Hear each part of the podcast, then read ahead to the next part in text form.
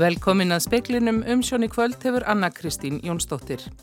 Stórbrunni varð á eigilstöðum í dag þegar kviknaði í þvóttahúsinu Vaski. Lítið var ráðið við eldin fyrir en liðsauki barst frá flugvallarslökkviliðinu. Íbúar beðnir að loka glukkum og kinda til að varna því að reykleiki inn. Öryggisráð saminuðu þjóðana ræður á föstudagum skemdir á rúsneskum gasleðslum í Eistrasalti. Rússar ber af sér sökum skemdarverk og skuðu eftir fundinum. Utaríkisráð þeirra segir að grant verið fylst með framvindum ála. Og fjárhagstaða sveitarfélagi var aldrei verið að bá og nú að mati nýkjörins formans sambands þeirra. En slökkuliði það er ennað störfum á eilstöðum þar sem kviknaði í verslun og þvóttahúsi Vask síðdeis.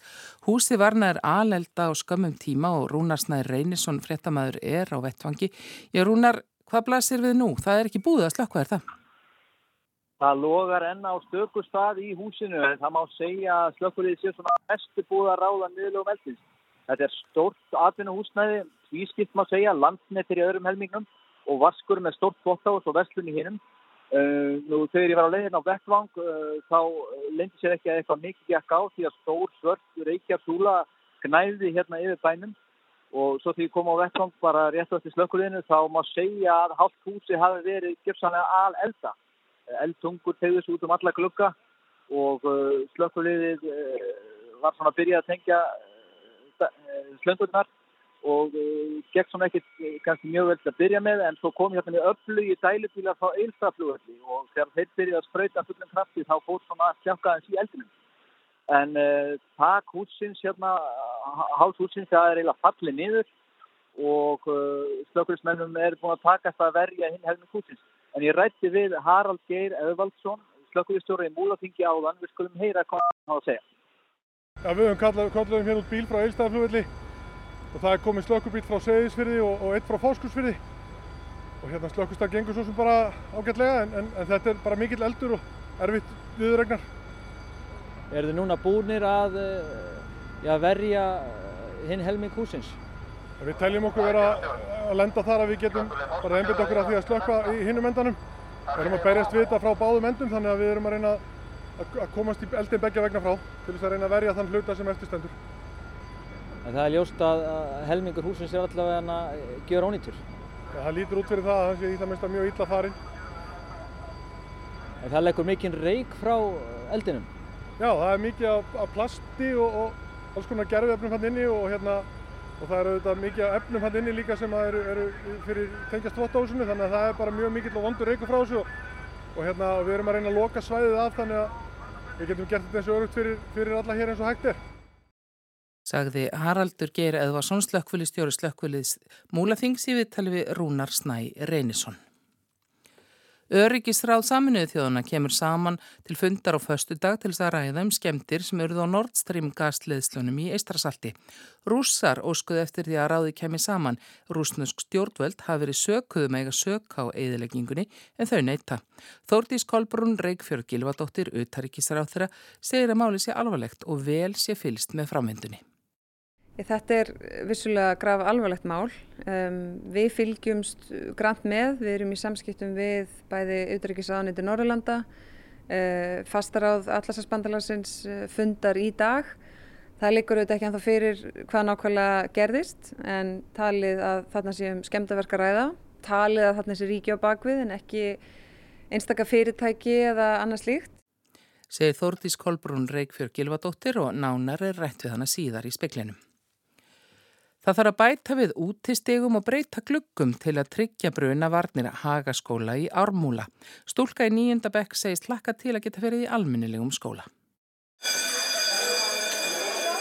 Nýjundu bekkingar hagaskóla voru snarir í snúningum að brunaæfingu í húsnæði hagaskóla í Ármúla í dag og rýmdu húsið á innan við þremur mínútum. Aðeins fyrsta og hálf önnur hæð húsins er í nótkunn eftir að slökkvilið gerði alvarlegar aðtúasemdir við brunavarnir húsins í síðustu viku. Það gaf þryggja vikna frest til úrbóta sem Björn Kjartansson, sviðstjóri hjá slökkviliðinu, segir vinnu hafna á. Það líka þegar fyrir mjög, mjög vandaða tilugur um úrbætur og það var meðal annars að taka sérstaklega á annari og þriðju hæðinni á bættum flóttaleiðum. Það verður settur göngupallur með fallvörnum hérna undir allir í neðri gluggaröðinni. Það verður settur úti stegar á báðum göblum. Mart fleira er fyrir höndum, meðal annars þarf að fjölga neyðarútgöngum, styrkja veggi, breyta gluggum og takmarka nótkunn á þröngum stegagöngum.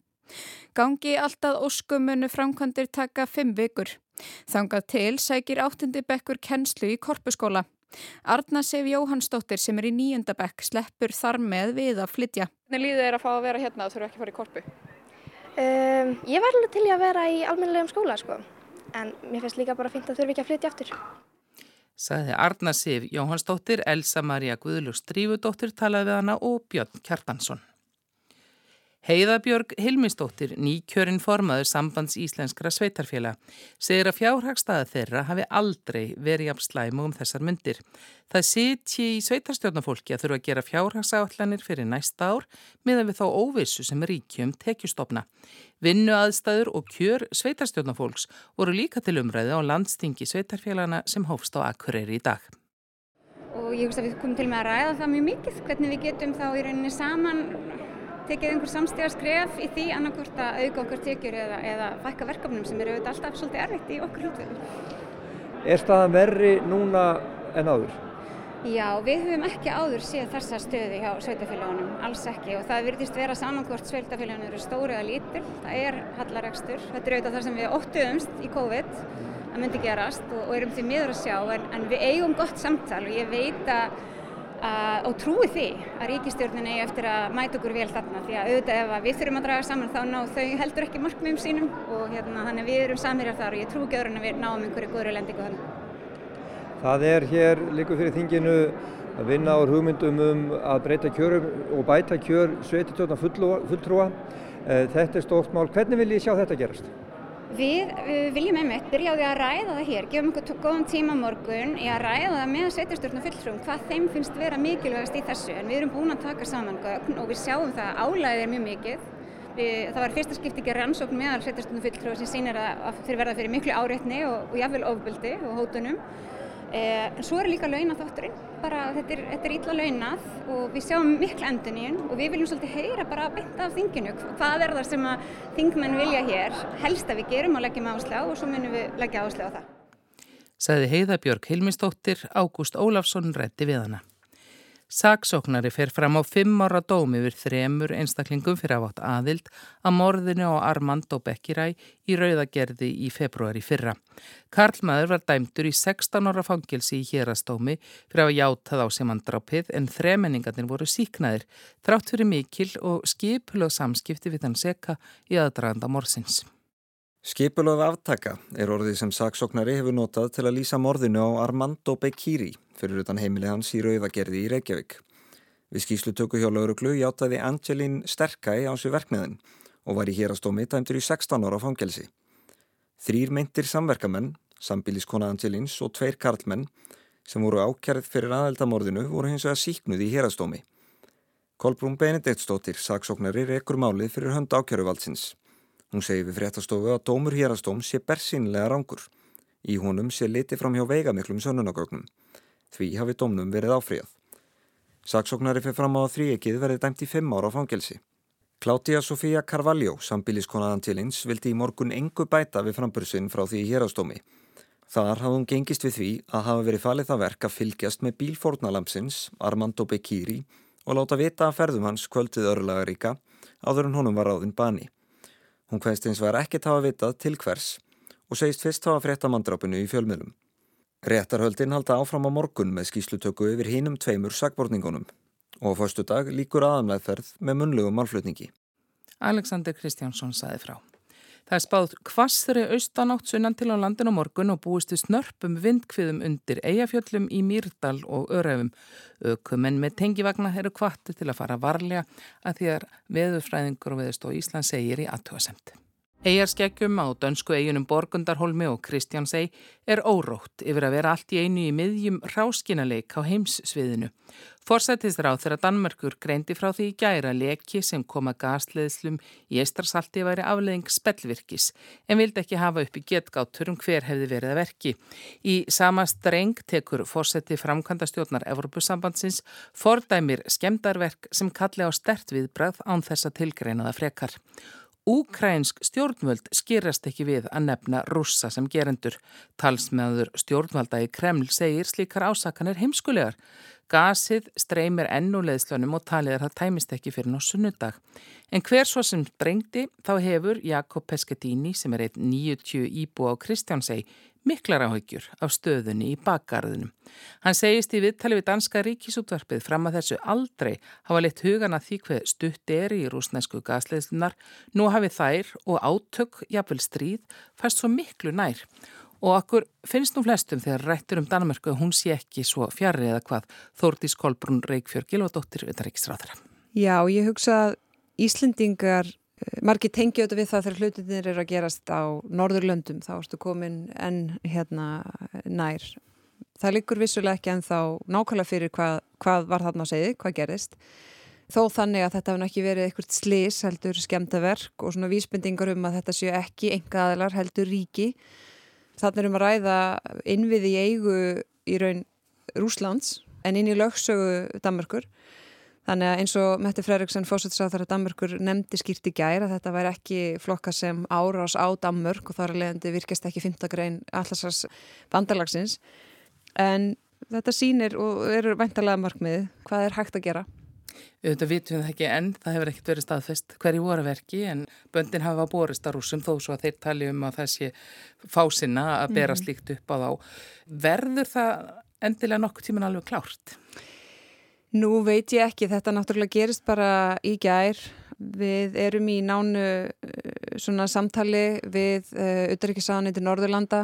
Um, við erum náttúrulega, það er fundur í fastaráði Allarsasbandalagsins í dag. Þannig að það kann vel að vera að þetta skýrist rætt og vel.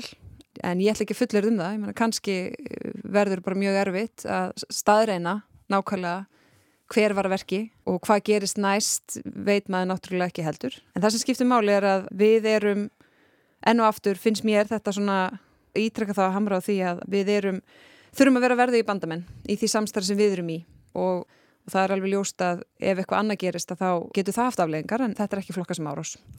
Það hefur náttúrulega verið og lögða áherslu á það frá upphafi á halvu allarsaks bandalagsins að menn stiðji en sé ekki beini þáttakendur í stríðinu í Úkrænu sem við tengjum þetta sjálfkrafa við. Já, og það er áfram þannig, ákvarðanir og stuðningur eh, ríkja eru sjálfstæðar ákvarðanir þeirra, en sá stuðningur hefur líka skipt sköpum fyrir úkrænsku þjóðuna til þess að, að verja sig og, og það er skiptið málu fyrir okkur öll að svo bara átt að skili tilallum árangri að geta varið sig og sitt sjálfstæði, sitt fullveldi og sína sína lögsögu og sín landamæri vegna þess að ef að það er þannig að það er hægt að komast upp með að þverbrjóta það þá eru við hér sannlega í vandastöld þannig að það hefur alveg verið þannig að allars bandalagi hefur ekki tekið beina þátt.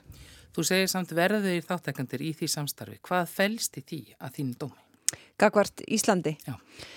Við, ég myndi segja að við værum eh, klárlega verður bandamenn.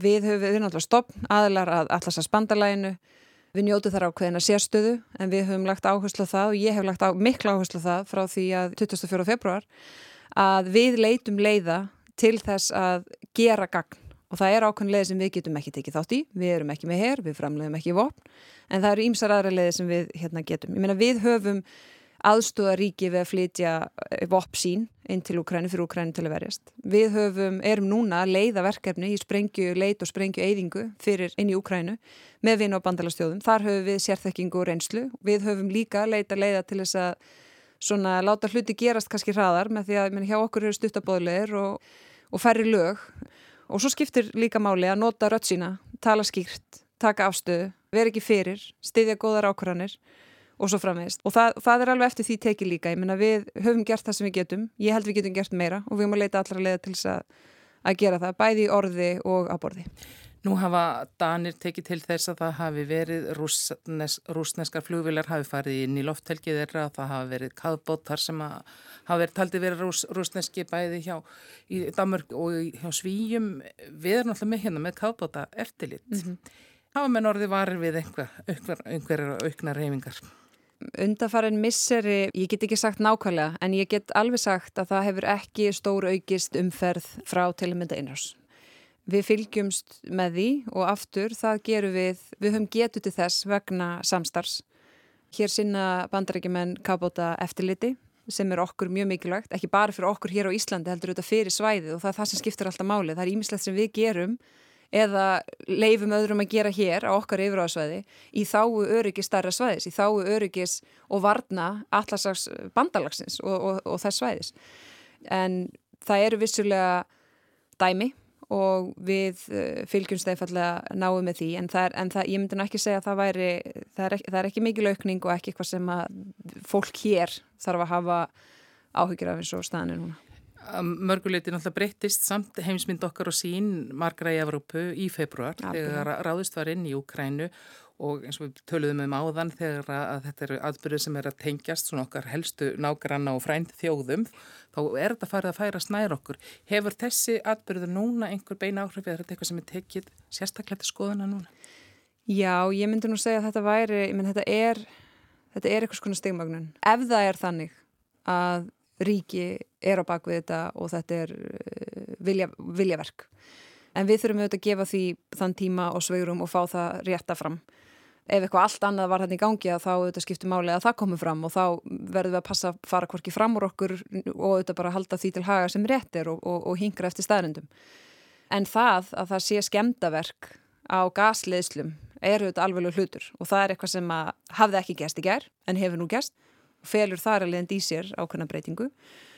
Því miður er það þannig að við erum ennþá á öllum þessum mánuðum finnst mér við vera að fara í rauninni ránga átt. Við erum ennþá fjær því að einhvern veginn geta gengið aftur heim og farið að laga til og sagt herru byttu þetta var nú, þú veist, og, og það sem að ég viðurkenna alveg að maður hefur svona áhyggjur af og ég hugsa oft bara svona ein með sjálfur mér, er þetta tímabil sem er afmarkað tímabil, afmarkað við Ukrænu og okkur tekst einhvern veginn að klára og byggja upp og halda áfram eða er þetta einhvern veginn upphaf af ykkur sem við höfum eftir að sjá fleiri hluti gerast áður en við komumst einhvern veginn aftur heim og aftur, ég meina við höfum hlutverk að gegna í þessu. Ég meina við erum líka þau sem höldum á pennanum og erum að skrifa söguna. Það er ekki þannig að við séum engangu viðtakandur á því en það er vissulega þannig að okkur eru takmörg sett. Þannig að það sem Ísland getur gert er að gera það sem er rétt, að breyðast rétt við, taka skýra afstöðu, aðstóða, hjálpa til, taka móti fólki sem er hingað að koma, styðja fjárhastlega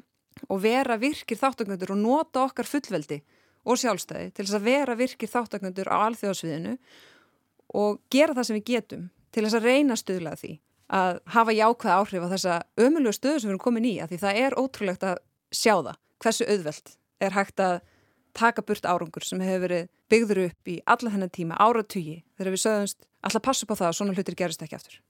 Þórtið Skólbrunn Reykjörg Gilvardóttir, þakka þér fyrir komin í speil. Takk.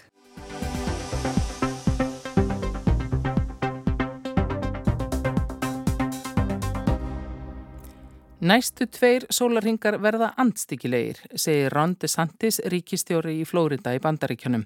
Neiðar ástandi hefur líst yfir í ríkinu vegna fellibilsins Íans sem nær landi í kvöld eða nótt. This is going to be a nasty, nasty two days. Uh, probably we think now it will be exiting the peninsula uh, sometime on Thursday. Yesterday, based on how fast it was moving, thought maybe it would be till uh, the wee hours of Friday morning. Flóritabúar geta samsagt búist við hinnu versta næstu tvo sólarhinga og jafnvel fram á föstudagsmorgun að sogn ríkistjórans. Fellibílurinn Ian eða Skoskur Jón svo að við íslenskum heiti óviðursins stefnir á Tampaflóa og sækir stöðut í sig veðrið. Hann náði vindstyrk fjórðastegs fellibils í nótt eða morgun en vantaði síðdegis lítið upp á fymtastígið. Gerist það fer vindraðinn í 70 metra á sekundu eða meira. Það er ekki einungis vindstyrkurinn sem veldur því að Jón er talinn lífshættulegur. John Cagliagolosi, sérfræðingur í fellibiljamiðstöðin í Miami, sagði í morgun að búast mætti við úrhelli upp á 508 mm í suðvestur og vestur hluta Flórida og að öldu heið við ströndina næði 3 metrum þar sem fellibiljurinn kemur að landi. The maximum winds could be near or over 100 miles per hour right where it makes landfall. Rainfall amounts we're expecting somewhere in southwest or west central Florida to see near 20 inches of rain and there's going to be a widespread region of around 10 inches and surge. There could be peaks around 10 feet very near where the system makes landfall. Spáunum ölduhæð var raunar endurskoðuð síðdeis í dag og nú er útlitt fyrir að hún nái 5 metrum og jafnvel meira. Vegna regningarinnar og áhlaðandans er varað við umtalsverðum flóðum þar sem veðrið verður verst. Tampaflói er eitt hvert viðkvæmasta landsvæðið í bandareikjónum fyrir óviður af þessu tægi. Síðast fórðar öflugur fellibílur yfir árið 1921. Breska ríkisútvarpið BBC hefur eftir Erik Salna aðstóðar forstjóra fellibílja með stöðverinnar að íbúornir hafi einfallega verið hefnir til þessa. Hann segir að vegna þess hver land liggur lágt á þessum slóðum, hver sjávar yfir borð hefur hækkað og vegna fjölda íbúana við tampaflóa geti afleðingar óviðursins orðið hörmulegar. Jafnvel kunni svo að fara að svæðið verði óþekkjanlegt næstu dagirinn. Yfir 2,5 miljón íbúa við Tampaflóa hafa forðað sér eftir að hafa nelt fyrir glugga á heimilum sínum og hlaðið sandpókum fyrir dyrnar. Yfir völd hafa opnað fjölda neyðarkíla þar sem fólki hefur verið bóðið að halda til þar til veðriði lægir eigið ekki í önnur hús að venda. Skólum að hamfarasvæðinu hefur verið lokað og yfir 2000 flugferðum aflýst í dag til og frá flugvöllum í Flórida, engum í Orlando, Miami og Tampa. 1600 ferðir til viðbótar hafa verið feldar niður á morgun. Þaraf hefur American Airlines aflýst hátt í 600. Áhrifa frá fellibilnum fór raunar að gæta í bandaríkjónum fyrir nokkrum dögum vegna þess hver viðfeðmur hann er. Breytt veðurkerfisins frá austri til vesturs er um það bíl 800 kilometrar, það er tvöföld breytt Flóridaskagans. Af gerfinnáttarmyndum má sjá að skýjað er af völdum Jóns allt frá Kúbu til Washington borgar. Vegna starðarinnar á veðrið eftir að hafa áhrif mun víðar en í og í miðju lagðarinnar. Rick Davis, veðurfræðingur hjá bandarísku veðurstofunni segir í Miami Herald í dag að vegna þess hver stór lagðin er sé marklaust að bera hana saman við aðra fellibilji sem farið hafa yfir bandaríkinn síðustu ár. Þegar fellibiljurinn Jón fór yfir vesturhluta Kúbu í gær eh, var hann mun aflminni en síðar hefur orðið. Þar ollan þó flóðum og skriðu föllum. Rammarslöst var um allt land. Hús skemmtust eða eðulegðust í óveðrinu og vitað er um tvo sem letu lífið af þess völdum. 50.000 íbúar í vesturhlutanum voru fluttir að brott áður en óveðrið skall á. Unnið hefur verið af kappi í dag við að koma rafmagni á á kúpu. Ásker Tómasson saði frá.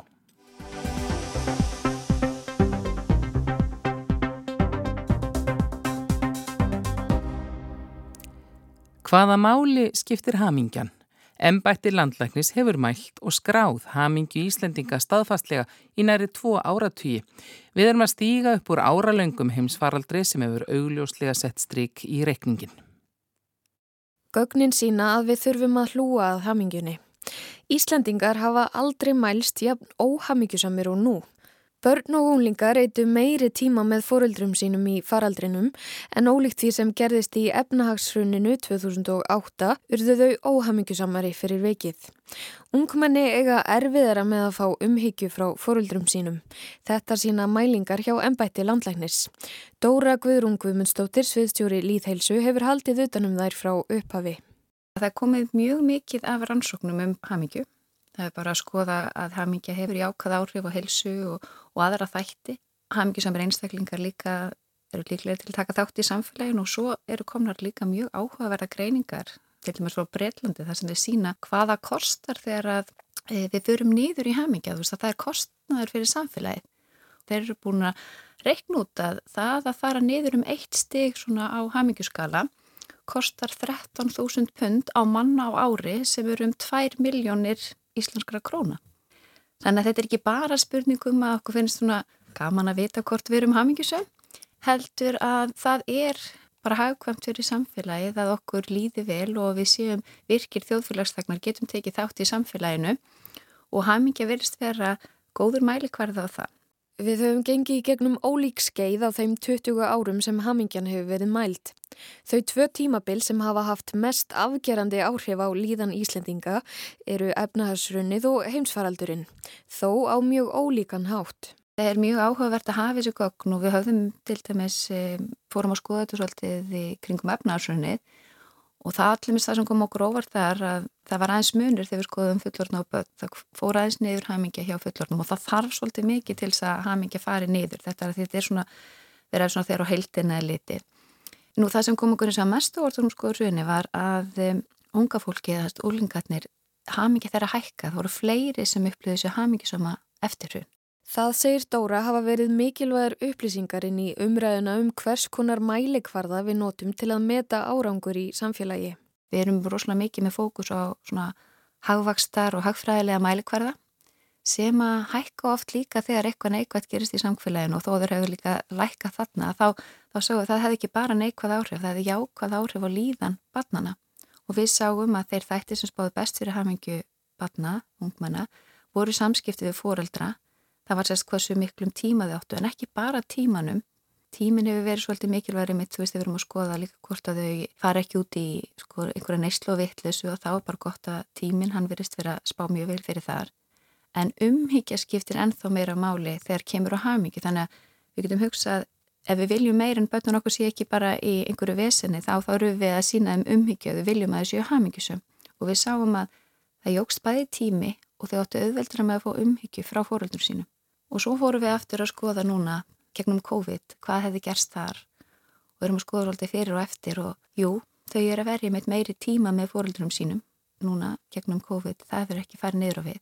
En þau eiga erfiðara með að fá ummyggju frá fóröldurum sínum og við erum sérst að sjá hamingi þeirra, það eru færri sem að telja sér hamingi sem núna eftir COVID, heldur um fyrir COVID og þannig að það, þessi þróun er algjörlega andstæði þá við þróunu sem varð eftir bankarunni. Það er gott að geta búið svona líka saman. Þannig að þrátt fyrir aukna samveru barna og unlinga með fóreldrum sínum í heimsfaraldrinum urðu þau óhamingjusamari og skorti umhyggju fóreldra, öfugt við það sem aðgerðist í efnahagsruninu. En hvað hefur breyst?